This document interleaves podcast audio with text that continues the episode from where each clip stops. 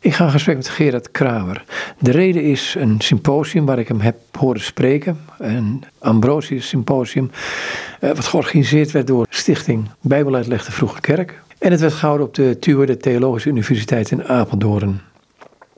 Gerard, je sprak erover Ambrosius en Jodendom. Eh, Die relatie met elkaar. Een heel breed onderwerp. Die interesse voor Ambrosius. Ehm, wat heb jij met hem, om het maar heel modern te zeggen? Toen ik eh, afstudeerde aan de VU destijds in eh, 1976 in de klassieke talen, werd mij een eh, promotieplaats aangeboden die moest passen binnen het thema vroeg-christelijke geschiedenisopvattingen. En daar stond een project klaar dat ik moest uitzoeken in hoeverre Ambrosius van Milaan, wat zijn denken over geschiedenis betreft, invloed kan hebben gehad op de grote Augustinus, die heel duidelijk een geschiedenisopvatting heeft ontwikkeld. Nou, dat leek mij een interessant onderwerp, want mij was eerder een ander onderwerp aangeboden. Griekse politieke theorieën in de Romeinse keizertijd. En daar heb ik beleefd gezegd van dat ik me daar zo weinig bij kon voorstellen dat ik me er ook niet in wilde verdiepen. Maar Ambrosius van Milaan, waar ik, eh, moet ik bekennen, toen tot mijn schande nog nooit een letter van had gelezen. Die ben ik toen gaan bestuderen. Ik heb zijn hele oeuvre gelezen. Dat is te vergelijken met een stuk of vier, vijf delen eh Winkeler Prins encyclopedie qua hoeveelheid.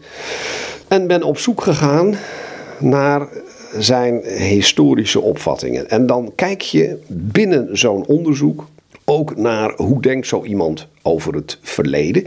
Nou, voor een christen is het verleden voor deel te vinden in de tijd voor ons, namelijk in het Oude Testament.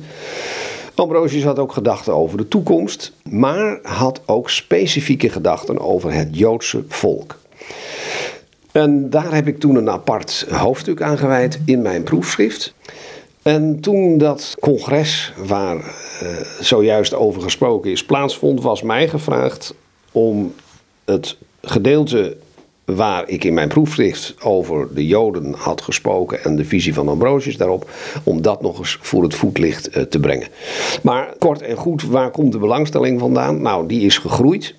Ambrosius is een vroeg-christelijke, in mijn ogen zeer orthodoxe eh, schrijver geweest, die de Bijbel eh, bloedserieus nam en in andere opzichten toch weer een beetje een kind van zijn tijd was. Als het om de Joden gaat, ehm, daarover werd niet zo positief gedacht. In het Rome en ook in eh, het Milaan, waarin Ambrosius functioneerde. En dat merk je ook wel enigszins in zijn denken over de Joden. Ja, ik, ik kan me de vraag stellen, hoe was het denken van hem over de Joden? Maar dat is een geschiedenis voor natuurlijk, want hij leeft in de vierde eeuw. Dus ehm, hoe is die ontwikkeling geweest? Misschien moet ik die eerst vragen. Nou, de Joden zijn eigenlijk in de tijd voor Ambrosius gereduceerd tot een soort voorafschaduwing van wat eigenlijk moest komen, en dat was de christelijke kerk. En men zei zelfs: de, het ware Israël is eigenlijk de kerk.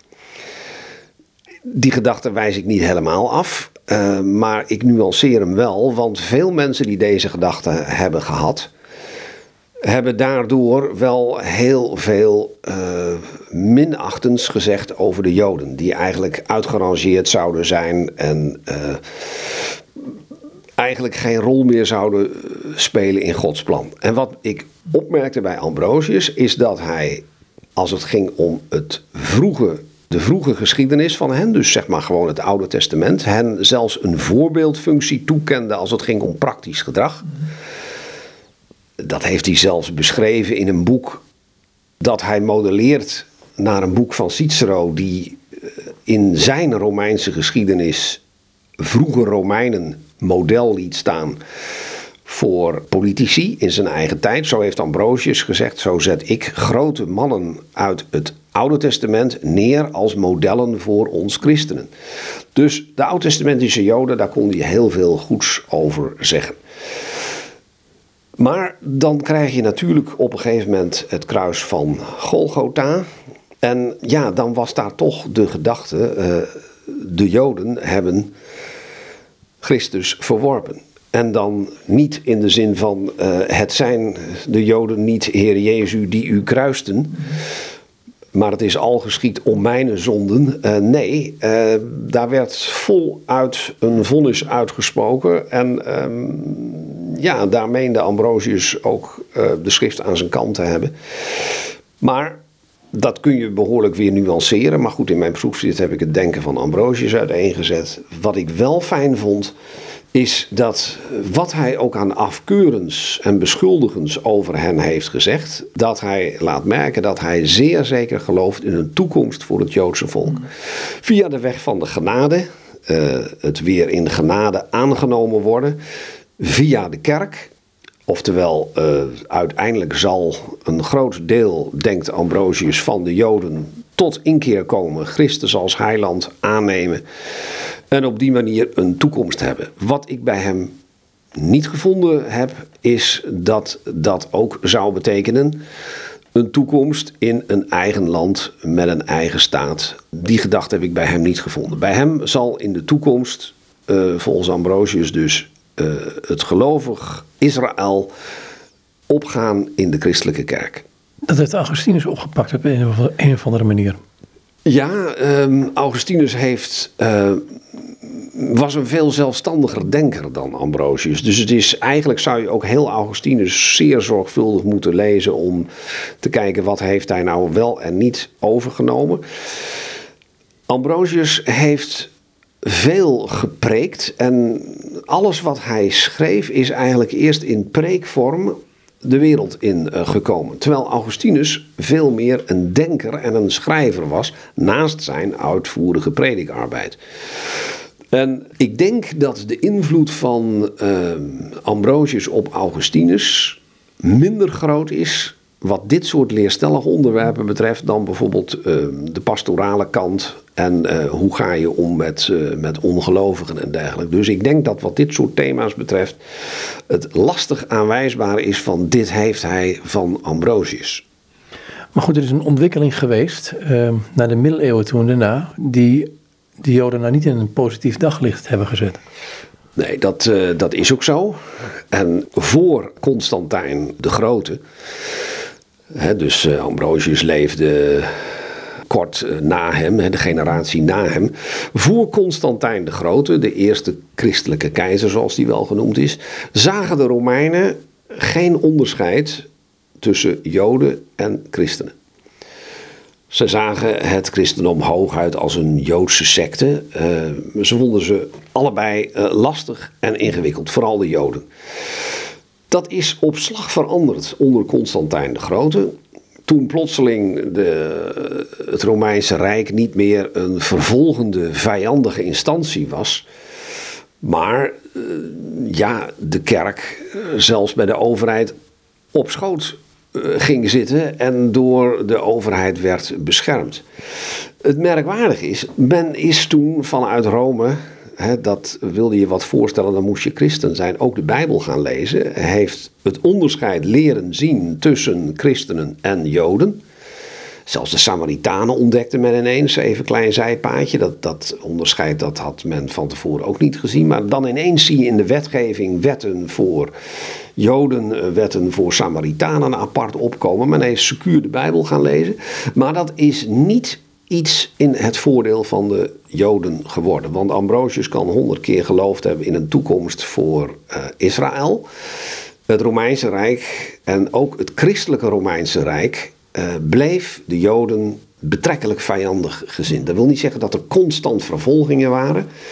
Maar men hield wel steeds rekening mee uh, met het uh, ontvlambare karakter in hun ogen van Joden als het ging om het overtreden van bepaalde gevoeligheden waar de Romeinen dan van tevoren niet aan gedacht hadden. Dus een, een warmbloedige verhouding is het niet geworden.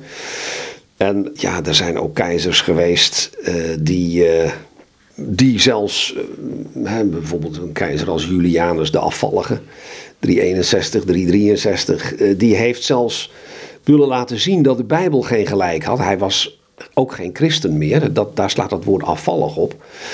En die heeft zelfs gedacht, weet je wat, er staat er van die tempel geen steen op de andere zal blijven. Ik eh, ga hem gewoon weer opbouwen. En die heeft op die manier de Joden en de christenen een hak willen zetten.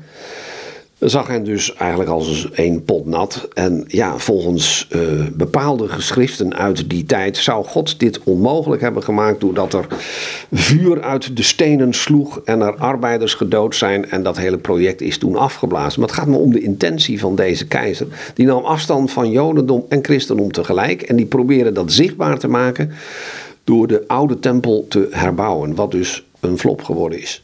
Was, was religie dan in het Romeinse Rijk uh, een soort samenbindende factor waar iedereen zich aan moest onderwerpen op de een of andere manier?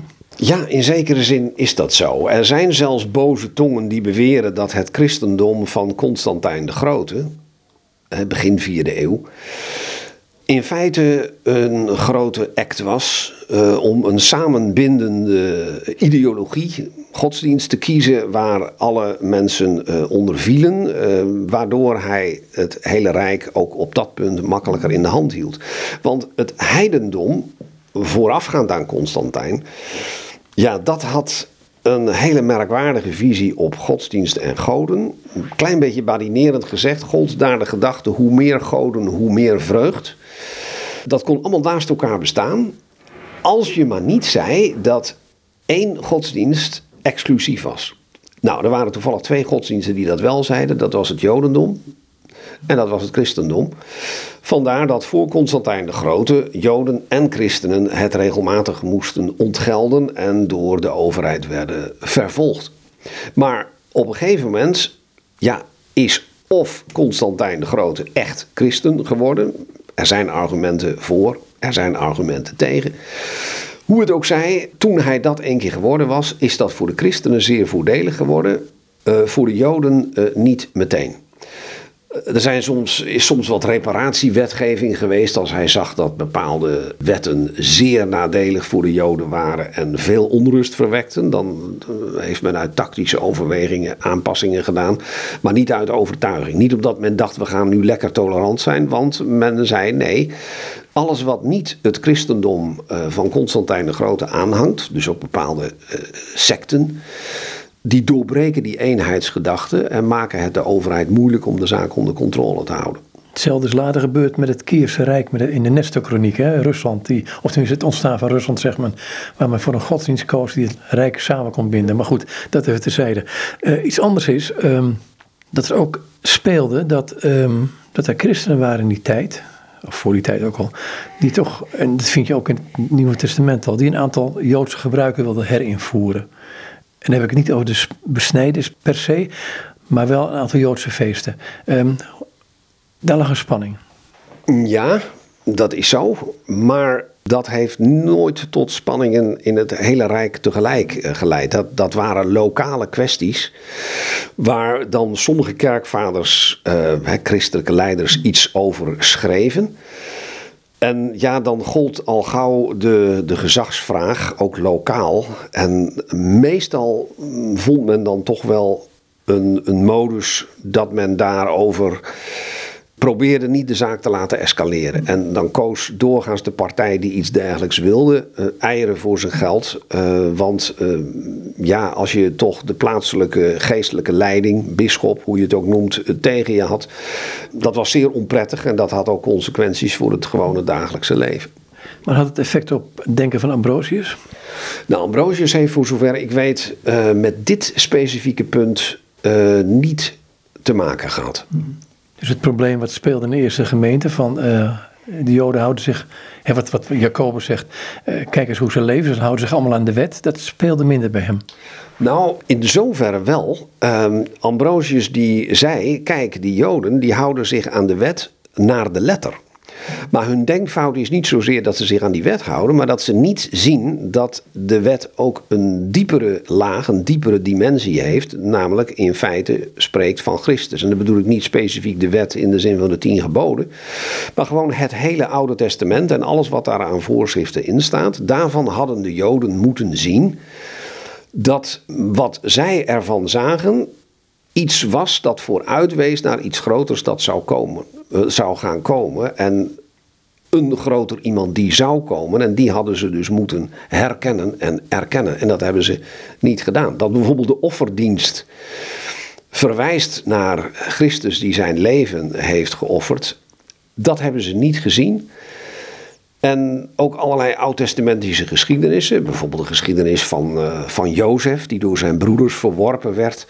Ja, dan zeggen wij achteraf als christenen, dat is toch een schitterende voorafschaduwing naar hoe de Heer Jezus ooit verworpen is eh, door het volk eh, waarvoor hij gekomen was. En dat gelukkig straks ook weer een herstel zal meemaken.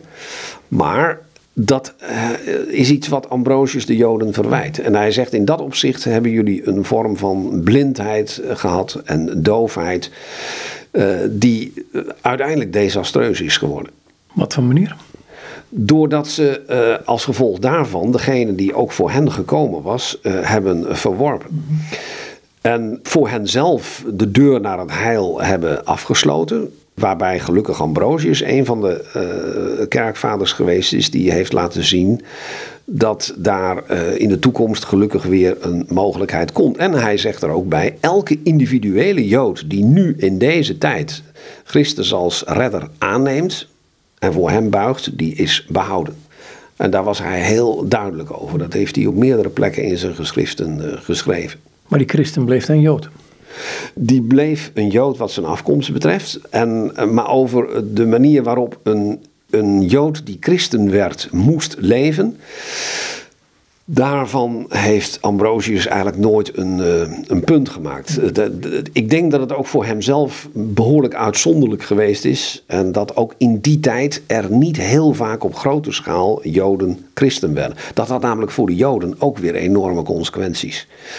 Uh, net zoals ook in onze tijd uh, het behoorlijke consequenties voor een Jood heeft als hij uh, christen wordt. Dat is een remmende factor. En dat was ook al zo in de Ambrosius tijd. Dus het, het, het lijken meer theologische vingeroefeningen die hij maakt. Uh, zo van gelukkig is de deur niet voor altijd en permanent dicht, uh, dan dat hij uh, regelmatig contact had in pastoraal opzicht met bekeerde, hè, met tot het christendom bekeerde Joden. Ging het te raden bij de rabbijnen bijvoorbeeld over het Oude Testament en de uitleg?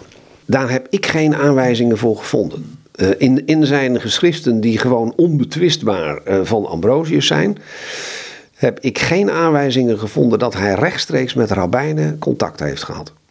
Dus in, inderdaad, wat, wat nu veel meer gebeurt in deze tijd, eh, met, met terugwerkende kracht is altijd makkelijk praten natuurlijk, van een Jonathan Sacks bijvoorbeeld, dat ik die hem noem, eh, de uitleg van, van een um, Leviticus, ik noem maar wat, dat was in die tijd minder. Ja, ik denk dat Ambrosius gewoon, um, dat is eigenlijk wel zeker, Ambrosius heeft geen was niet opgeleid voor zijn ambt. Ik zeg ook niet dat dat moet, maar in die tijd was dat wel gebruikelijk. En tegen zijn wil hij de bisschop. Precies, hij had een bestuurlijke functie in de, in de provincie Emilia Liguria. En er was herrie eh, in Milaan omdat er een bisschop was overleden. En er was toen een groot strijdpunt tussen twee soorten christenen, de Arianen en de, de orthodoxen. En de Romeinse christelijke overheid die had uh, geen zin in uh, bloed onder christenen in de zin van dat dit op de spits gedreven werd. En toen Ambrosius vanuit zijn bestuurlijke functie, wij zouden hem tegenwoordig een soort uh, commissaris van de koning noemen in dat gebied, toen besteeg hij het preekgestoelte in een kerk waarin behoorlijk gesteggeld werd over wie nou die volgende bisschop moest worden. Nou, die twee partijen die waren daar allebei aanwezig. En toen zou, volgens de overlevering, toen Ambrosius stond om de menigte, hij stond op de preekstoel om de menigte te kalmeren, toen zou een kind, volgens sommigen iemand van de geheime dienst, geroepen hebben Ambrosius episcopus, oftewel Ambrosius moet bisschop worden. En toen heeft uh, die hele kerk die kreet massaal overgenomen en uh, is daar een tijdje gescandeerd Ambrosius Episcopus.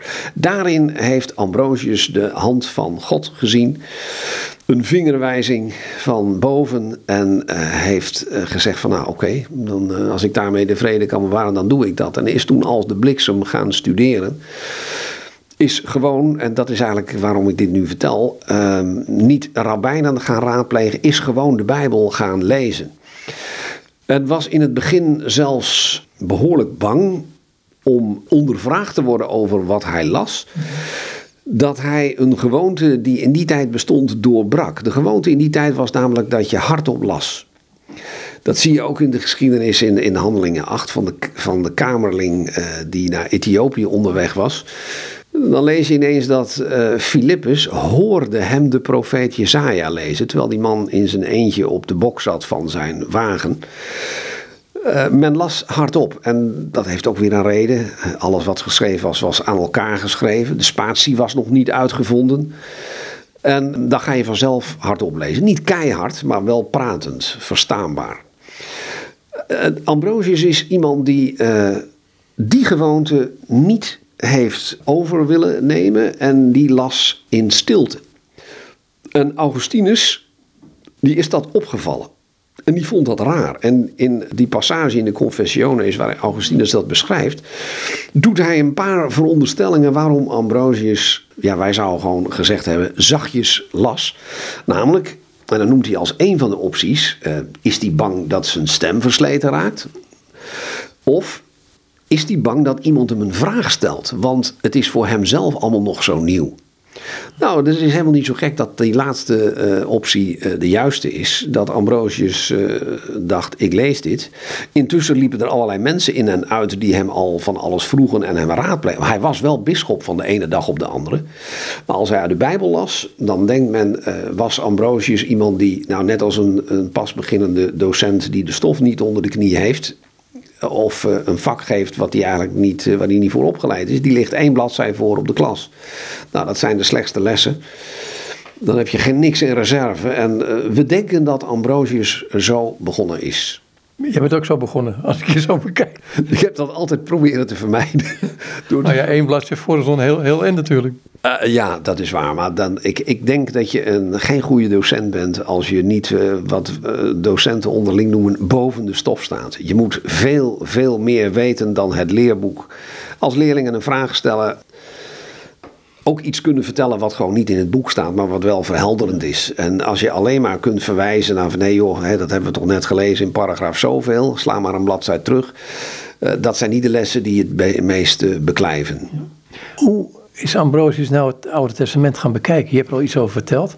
Is het als een ontdekkingstocht van hierin wordt Christus geopenbaard? Of uh, zijn het allegorieën of, of uh, noem maar wat? Nou, wat Ambrosius wel al vrij vroeg heeft uh, ontdekt... en daarin heeft hij ook wel voorbeelden gehad... dat is ehm, de allegorische uitleg van de Bijbel. Alleen, er zijn uitleggers die de allegorie gebruiken om volledig van de letter van de tekst af te komen. Als ik bijvoorbeeld denk aan de kerkvader Origenes, die leefde iets eerder dan Ambrosius, een Griekse kerkvader, een superbegaafde theoloog. Die heeft bijvoorbeeld het paradijsverhaal in het boek Genesis volledig weggeallegoriseerd in de zin van het is alleen maar een allegorie. Zo van, je denkt toch zeker niet dat daar echt een tuin geweest is met een echt mensenpaar en dat God daar bezig is geweest. Dat is bij Ambrosius niet zo. Ik heb zelfs een hoofdstuk in mijn proefschrift gewijd aan mensen die elders door kerkvaders zijn weggeallegoriseerd. Van wie Ambrosius ook het hele idee van allegorische Bijbeluitleg heeft overgenomen. Maar Ambrosius laat dan op andere plaatsen in zijn oeuvre zien dat hij wel degelijk gelooft in een historische Adam, een historische Noach en dergelijke. En ook een historisch paradijs. Gewoon letterlijk hier op aarde, hoe bijzonder het dan ook geweest is. Dus bij Ambrosius is de allegorie echt een diepere laag die er ook is. En dan citeert hij terecht uh, Galaten 4, hè, waar Paulus uh, de Galaten die uh, als christenen de wet wilden gaan houden, dat Paulus zelf tegen zegt van u die onder de wet wilt zijn, luistert u niet naar de wet. Niet, uh, wilt u niet de wet laten buikspreken? Nee, naar de wet luisteren. En wat Ambrosius deed, was in die zin luisteren naar het Oude Testament. Dat hij in zo'n geschiedenis als van bijvoorbeeld waar we het al even over hadden, Jozef, dat hij in hem duidelijk een type, een voorafschaduwing van Christus zag. En daarmee zegt hij nooit dat Jozef niet bestaan heeft. Of dat er alleen maar een type van Christus als illustratie in het Oude Testament stond die verder geen historische uh, betekenis had. Nee, dat was bij Ambrosius en en.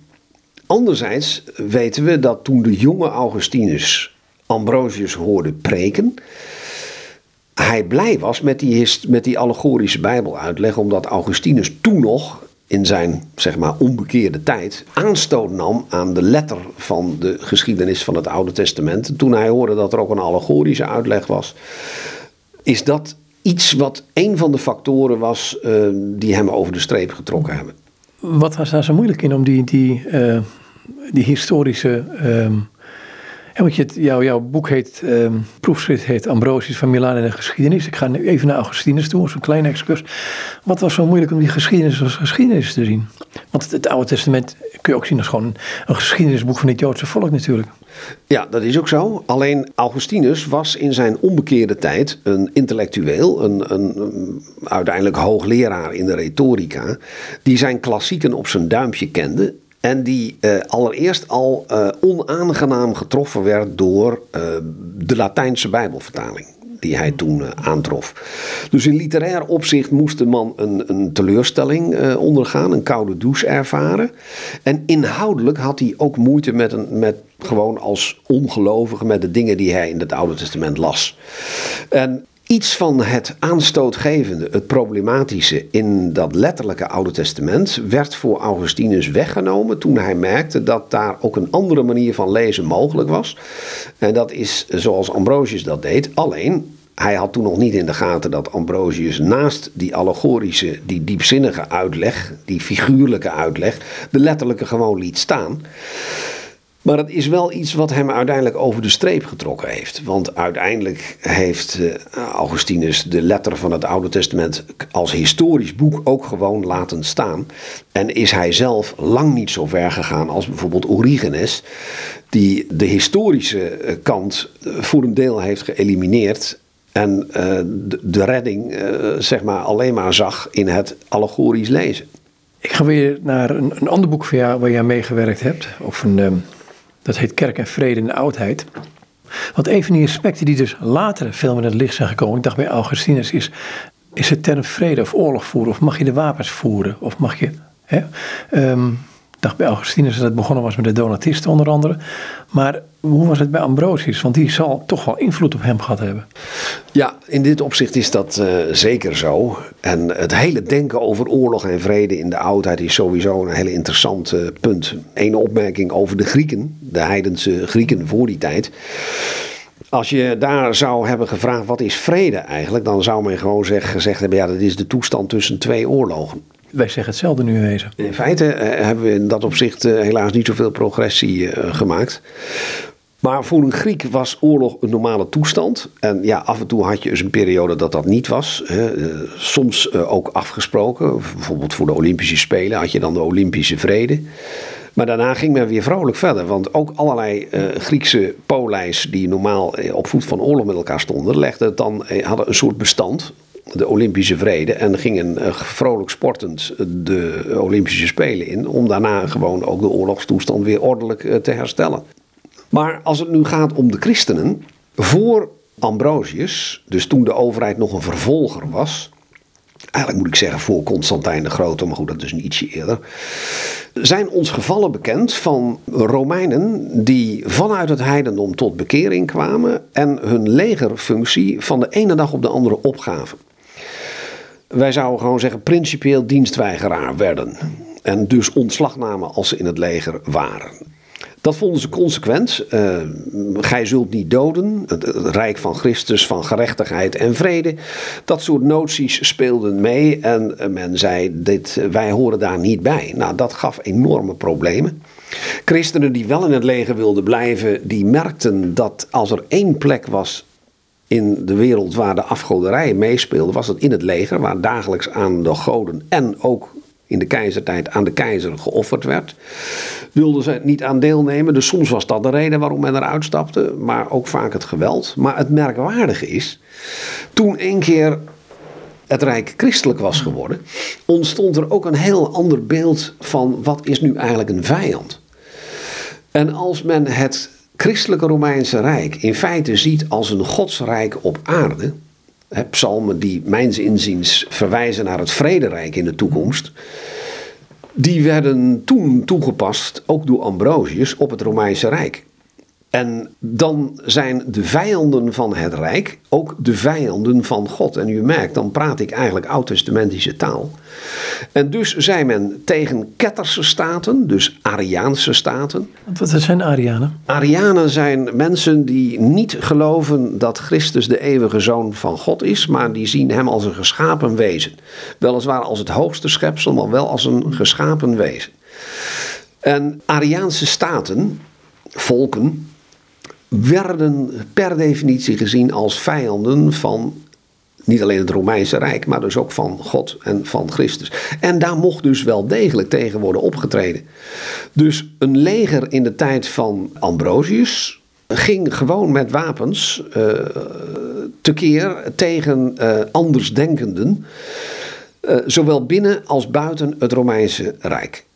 Was die notie daar bij alle kerkvaders? Of alleen, want wat, um, bij Augustinus is het verder uitgewerkt, hè? Het, ge, het gebruik van mogelijk geweld tegen. Um, misschien moet ik eerst een andere vraag stellen. Als ik naar het woord vrede ga in het Hebreeuws uh, voor de Septuagint nog, dat betekent iets heel anders. Ja, overigens ook uh, in het Nieuw Testament, het, het, woord vrede. Men gebruikt gewoon dat, dat al bestaande woord. Maar dan is vrede ook de harmonie die er nu is tussen hemel en aarde. Of nog uh, concreter, uh, de toestand die er nu is tussen God en mens. Wij hebben vrede met God. Hij is niet meer onze, of wij zijn niet meer zijn vijanden. Hij is niet meer onze rechter. vroeger stonden we op voet van oorlog met hem. En dat is nu gelukkig niet meer zo. En iemand als Augustinus heeft ook zeker gezien dat buiten het Romeinse Rijk de boze wereld begon. In de zin van alles wat niet christelijk was. En uh, heeft niet zo heel veel anders uh, gedacht dan uh, Ambrosius. Maar hoe gaan zij terug naar de woorden van Jezus zelf? Want ik bedoel, daar, daar moet toch een discrepantie liggen, Hans? Ja, die is er ook. Alleen als je één keer, uh, om even tot Ambrosius te beperken en tot Constantijn de Grote, als je in één keer de gedachte hebt, het vrederijk is al aangebroken. He, men zag plotseling overal christenen, overal kerken. Uh, wie uh, gelovig was, had een bevoorrechte positie dan is het niet zo'n grote stap om alles wat daarmee in strijd is als vijand te zien. Vandaar dat men dus ook bijvoorbeeld ketters gewoon binnen het Romeinse Rijk, dus die Arianen die ik al noemde, die werden gewoon vervolgd. Daar werd gewoon geweld tegen uh, gebruikt. En daar heeft uh, ook een man als Augustinus ook nooit tegen uh, gepredikt. En, en dat is dus de bril die men op heeft, die maakt heel veel uit. En als je de bril ineens op hebt van wij zijn in feite al in de tijd dat het Godsrijk is gekomen. Hè, dat, men heeft dan niet zo vreselijk goed gelezen, want in het Vrederijk is de duivel tijdelijk uitgeschakeld. Hè, dan is de slang uh, gebonden, de duivel is gebonden. Er werd natuurlijk ook in dat christelijk rijk gewoon gezondigd. Die kerken die moesten ook gewoon tuchtmaatregelen nemen. Er ging wel eens een geestelijke over de schreef. Dus wat dat er gaat, is men wel heel erg met een, een, een optimistische bril aan het rondkijken uh, geweest. Maar dat heeft uh, de visie op gebruik van geweld niet beïnvloed. Dat is men gewoon blijven gebruiken tegen alles wat afweek binnen en buiten het Rijk. Maar goed, je hebt in die tijd waarschijnlijk, en ook de tijd erna in de middeleeuwen weet ik wel zeker, uh, groepen gehad die zich daartegen verzetten. Die zich wel degelijk zagen van, ho even, dit klopt niet. Ja, dat klopt. Kijk, en als die er nou niet waren, zou ik zeggen, dit is een prachtig, dit, dit is de enige uitleg, maar er zit altijd iets wrevelers in. Ja, dat is ook zo. Alleen het Romeinse Rijk was een groot rijk. En ook dit soort, uh, laten we zeggen, andersdenkenden, uh, daar werd niet altijd even zachtzinnig mee omgegaan.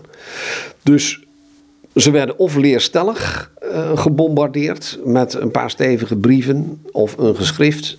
Of er werd echt geweld gebruikt en er, en er, was echt vervolging. Zoals men vroeger binnen het Romeinse Rijk Joden en christenen vervolgde, zo zijn de christenen binnen hun rijk ook naar de Joden toe, om die nog eens even te noemen, ook bepaald niet zachtzinnig geweest. Die hebben ze niet gezien als, als de mensen uit wie het heil kwam en die straks, zoals Ambrosius zei, uh, weer met hen verenigd zouden worden. Nee. Het is echt niet zo dat iedereen wegliep met deze gedachten van Ambrosius. Nee, men zag hen als, uh, als vijanden. Hoe kijk jij er tegenaan? Want je hebt dit bestudeerd uh, over kerk en vrede in oudheid en middeleeuwen, maar dan specifiek in de oudheid. Hoe kijk jij er tegenaan? Want je zal het toch, uh, je zal een aantal dingen onderzocht hebben, gezien hebben. En tegelijkertijd zit er toch ook iets ongemakkelijks in.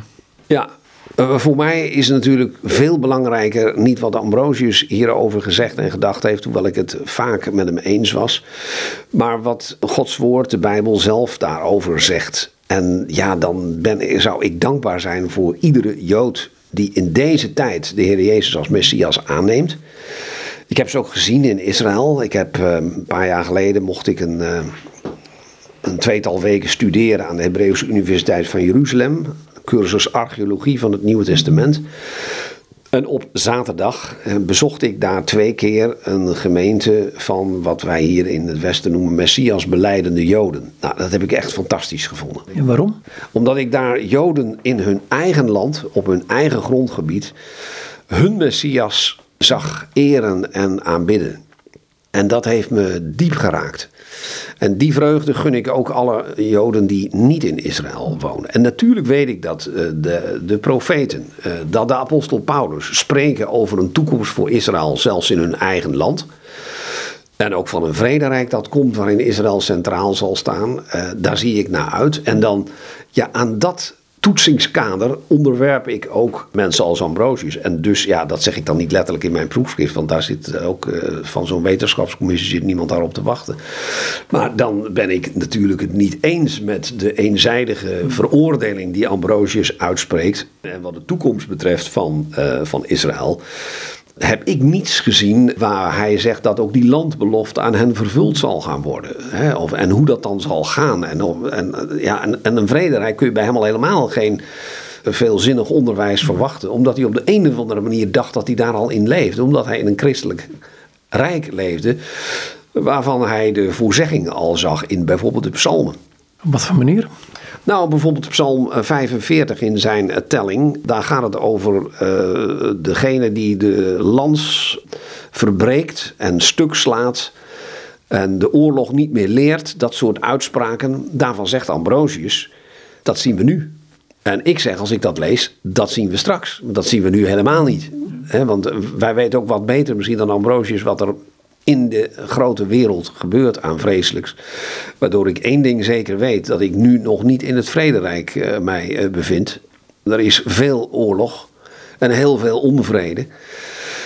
En dus in dat opzicht zeg ik nee, eh, Ambrosius, dat heb je mijns inziens niet goed gezien. Dat zeg ik niet verwijtend. Met wat hij had, vind ik dat hij heel veel heeft gezegd waarin hij toch zich wel heeft onderscheiden en, en moed heeft gehad. Maar het is niet zo dat hij dit op grote schaal heeft gepredikt. Je moet dit uit alle hoeken en gaten van zijn geschriften bij elkaar harken. Is het ook niet de tijd geweest toen, en zeker een paar eeuwen daarna ook nog, dat men nog een duidelijk zicht moest krijgen van wie was Jezus? Wie is Jezus? Wie is God? Was de drie-eenheid bijvoorbeeld? Ja, dat is uh, meer de, de, theologische omschrijving daarvan. Hè? Op de, de concilies en door de theologen. Ambrosius is niet een heel erg origineel denker geweest. In die zin dat hij daar hele eigen accenten heeft gelegd. Ik denk dat je Ambrosius gewoon moet zien als een vertegenwoordiger van de, de orthodoxen, de, vol, de, de, de volgelingen van Athanasius, hè, want dat is de man die tegenover die Arius staat. Dus wel Christus als de eeuwige zoon van God, wel geloven in de godheid van Christus. Over de drie eenheid kan ik me niet herinneren dat Ambrosius uh, uh, letterlijk een, een, veel uitspraken heeft gedaan. Ambrosius was vooral een pastoraal iemand. Ik heb al gezegd, geloof ik, alles wat hij geschreven heeft is eerst in de vorm van preken gewoon de kerk ingegaan. Ambrosius sprak niet voor wetenschappelijke congressen.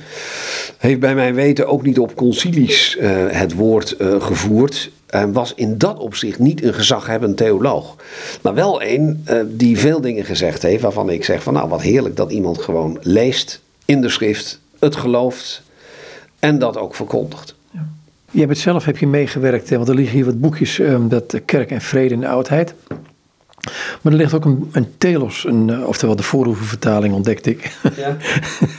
Daar heb je ook aan meegewerkt. En het is een hele mooie vertaling. Ik, ik, ik hou, ik ben niet zo gecharmeerd van kolommen in de Bijbel. Ik vind het altijd lekker over de hele pagina heen gewoon lezen. Niet gewoon lekker lezen als een boek en niet als kolommetjes.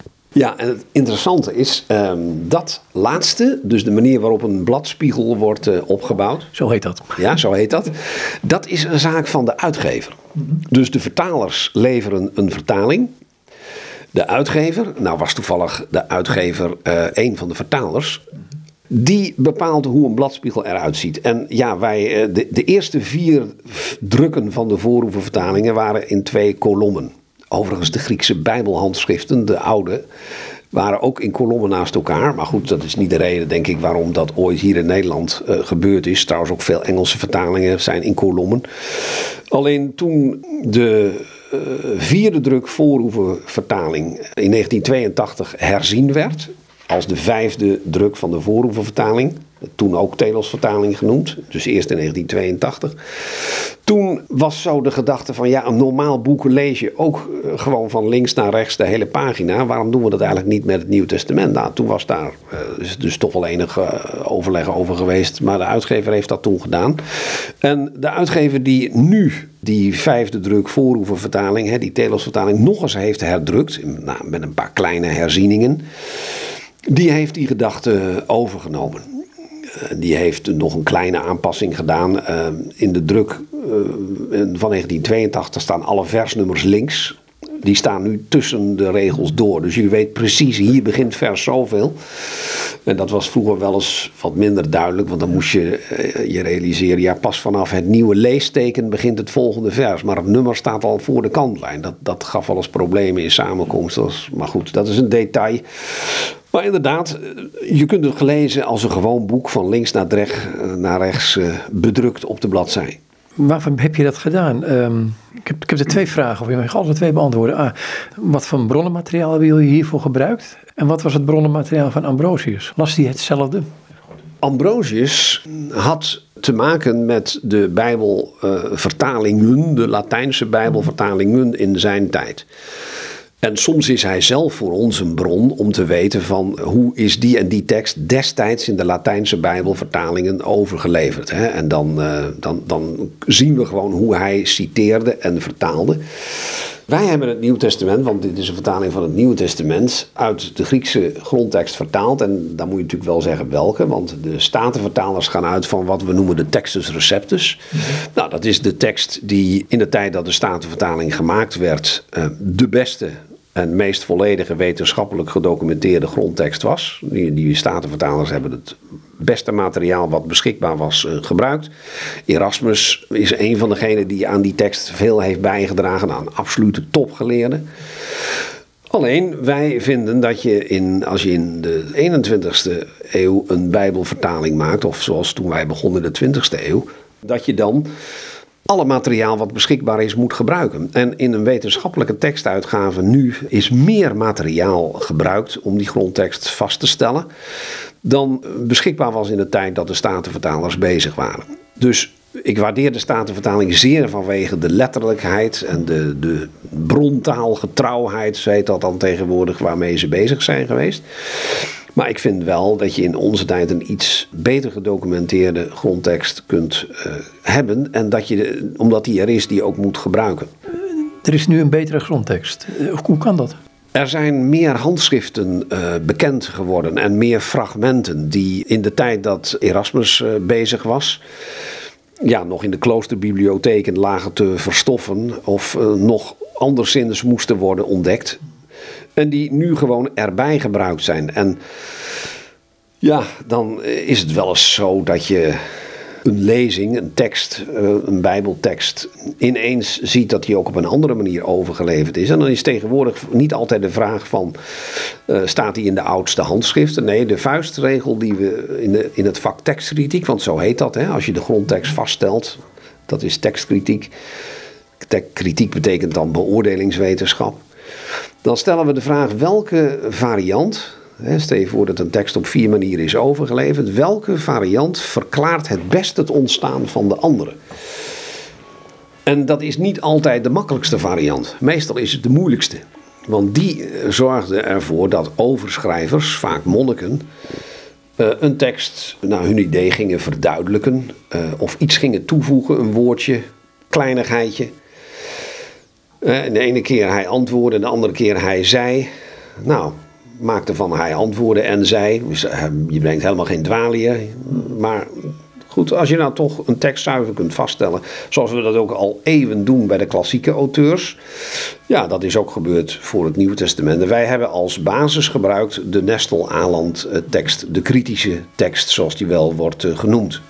Waarom ben je met zijn nieuwe vertaling gekomen? Want er zijn toch voldoende vertalingen op de markt op dit moment. Ik bedoel, uh, in Naard is er een, er is uh, de Canisius, je hebt de Willy Brothers, uh, MBG, MBV, noem het maar op. Nou, elke, elke denominatie heeft zijn eigen vertaling, denk ik soms. ik heb al die vertalingen hier in de studeerkamer staan en ik gebruik ze ook allemaal.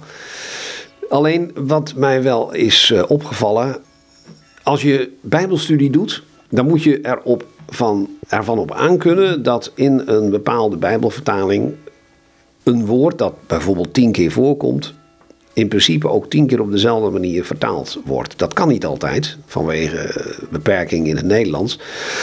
Wij ontdekten dat dat niet zo was en dat eigenlijk geen enkele vertaling daar zo consequent naar streefde als wij dat eigenlijk wilden. Uh, gewoon uit eerbied voor het woord van God. Ik zeg niet dat die andere vertalers die eerbied niet hadden, maar wij vonden dat als je Bijbelstudie deed, je op zo'n vertaling moest kunnen rekenen.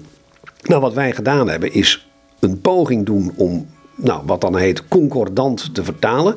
Dus een woord dat tien keer voorkomt, in principe tien keer op dezelfde manier. Kan het een keer niet, dan vermelden we dat in een voetnoot. Zo van, dit is het woord dat elders zo en zo vertaald is. Of iets dergelijks. En ook afwijkende handschriftlezingen vermelden wij ook in een voetnoot. Als wij denken van nou deze lezing is zo sterk. Wij twijfelen echter of die misschien in de tekst zou moeten, maar wij willen de lezer wel laten zien dat die ook bestaat. Dan hebben we die in een aantal gevallen in de voetnoot vermeld. En voor de rest wilden wij ook zo nauwkeurig mogelijk vertalen. Alleen als dat lelijk Nederlands oplevert, dan hebben we het niet gedaan en het dan ook in de voetnoot vermeld. Dus ook in onze inleiding, uh, ik vrees dat die het minst gelezen wordt, want dat is natuurlijk veel beter om het Nieuw Testament zelf te lezen. Maar voor een vertaling is de inleiding van belang. Daar leggen we ook uit hoe we bijvoorbeeld omgaan met uh, tegenwoordige deelwoorden. Dat mag je even uit, uitleggen helemaal. Ja, bijvoorbeeld woorden als zeggende, lopende. Uh, daar maken we nu van terwijl hij zei en toen hij liep daar maak je bijzinnen van. Daar heb je een bepaalde vrijheid in als vertaler. niet elke tegenwoordig deelwoord kun je met een omdatzin vertalen. Het is ook wel eens een hoewelzin of een toen of terwijlzin. Nou, daar heeft een vertaler die maakt keuzes op grond van uh, hoe hij de context uh, begrijpt.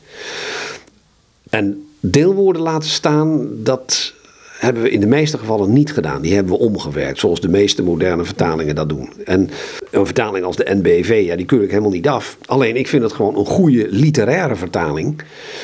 Maar hij is, en dat zeggen, daar zijn ze ook heel eerlijk in, de vertalers. Soms hebben zij het idee dat ze de weergave uh, zo moeten doen dat wij zeggen, als je het zo zegt, klinkt het wel heel modern, maar eigenlijk voeg je ofwel een detail toe, ofwel je laat een detail weg. En beide offers willen wij niet brengen. Dus moderne vertalingen kunnen heel geschikt zijn voor een publiek bijvoorbeeld dat helemaal nog nooit in een Bijbel gelezen heeft. Als een goede eerste kennismaking. En misschien ook wel een tweede. Maar voor wie de schrift echt grondig wil bestuderen, die moet mijn zinziens een zo betrouwbaar mogelijke vertaling hebben. Die ook de grondtekst zo secuur mogelijk volgt. Goed, en dan kom je ook met een probleem als, uh, misschien gaan we nu te ver in bepaalde richtingen, dat je moet het denken van die tijd kennen. En het denken van de tijd van Ambrosius is, weer, is er weer een andere manier van denken dan twee eeuwen daarvoor. Het denken van nu en hoe mensen lezen. Ik, ik geef nog één klein dingetje bij, wat ook gezegd wordt over vertalen. Vertalen is toch altijd een beetje liegen? Ja, dat is ook zo'n spreekwoord dat zegt dat vertalen een beetje verraden is. Mhm. In het Italiaans heb je de woorden voor vertalen en verraden, die liggen heel dicht bij elkaar. Ja, ik, ik zie dat. En je komt als vertaler ook altijd op het terrein van de uitlegger.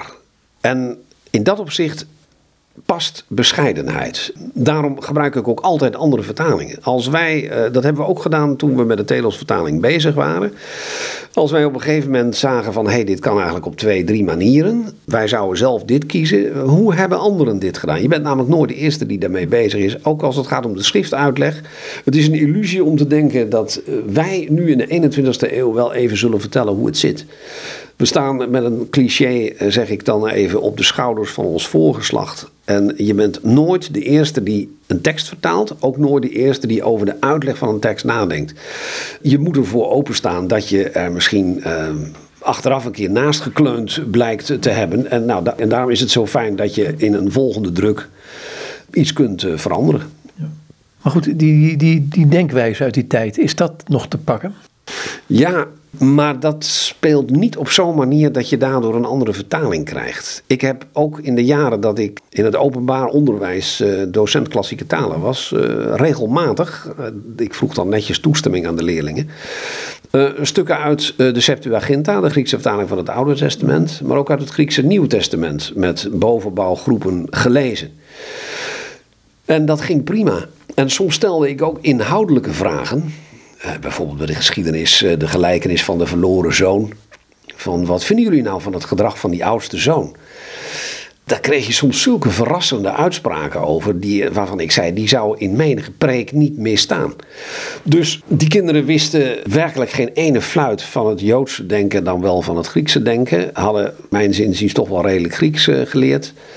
Konden dat soms ook best goed vertalen. En als er verschil van inzicht was in hoe je iets moest verklaren, zat hem dat lang niet altijd in het feit dat je het in een bepaald geval anders moest vertalen.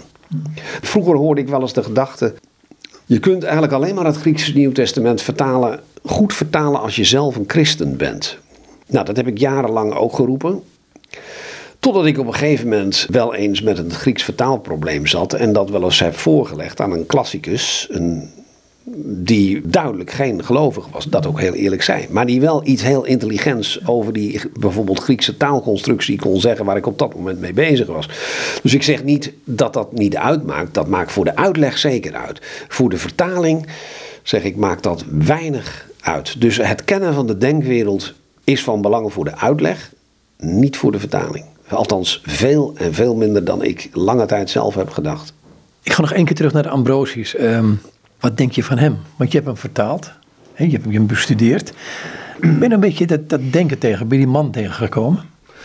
Nou, laat ik het zo zeggen. Wat mij aansprak bij Ambrosius van het begin af aan. Ik ben gewoon bij zijn werken begonnen die in, in, een serie worden uitgegeven. En daar zitten een stel preken bij.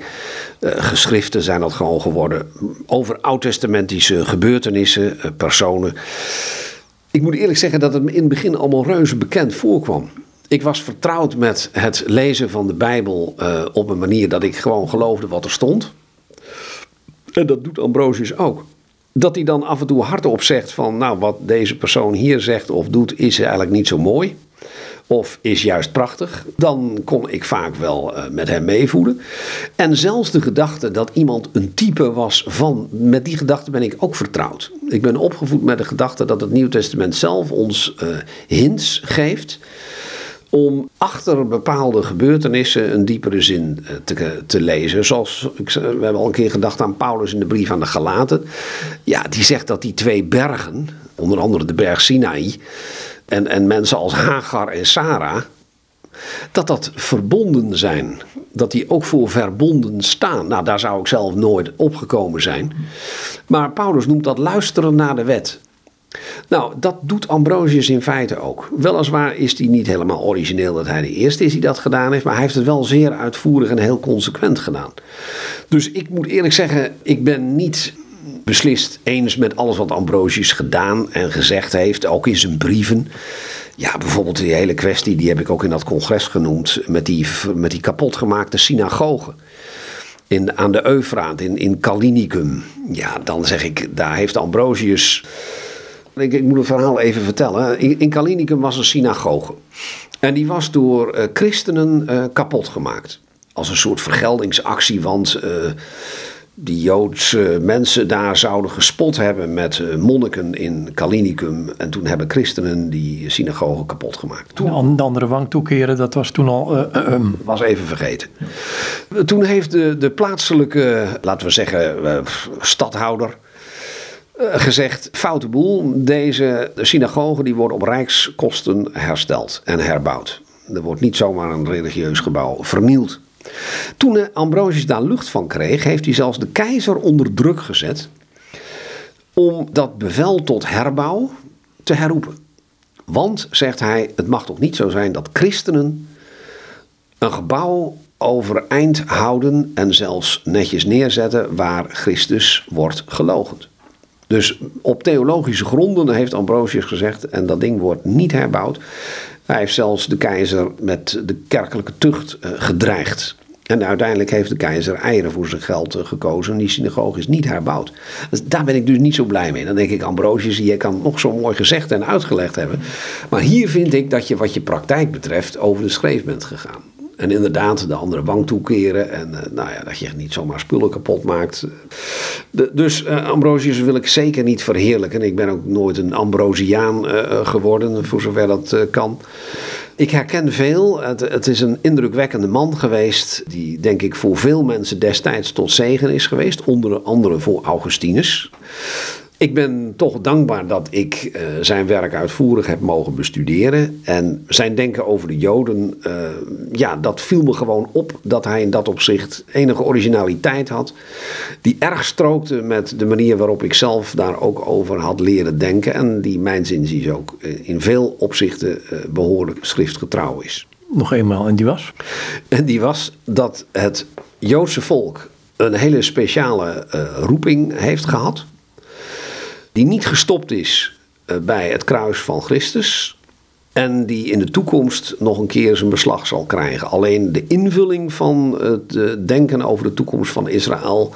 Ik denk dat Ambrosius daar nog een paar meer slagen had kunnen maken. Ik word hier wel later, dankjewel. Nou, ik vond het ook heel uh, plezierig om dit mee te maken. En die is Gerard Kramer. En met hem was ik in gesprek over Ambrosius. En dit naar aanleiding van een toespraak die hij hield op het Ambrosius Symposium, georganiseerd door Stichting Bijbel Vroege Kerk. En wat gehouden werd uh, in samenwerking met de Theologische Universiteit Apeldoorn. Goed, nogmaals, tot zover dit gesprek met Gerard Kramer.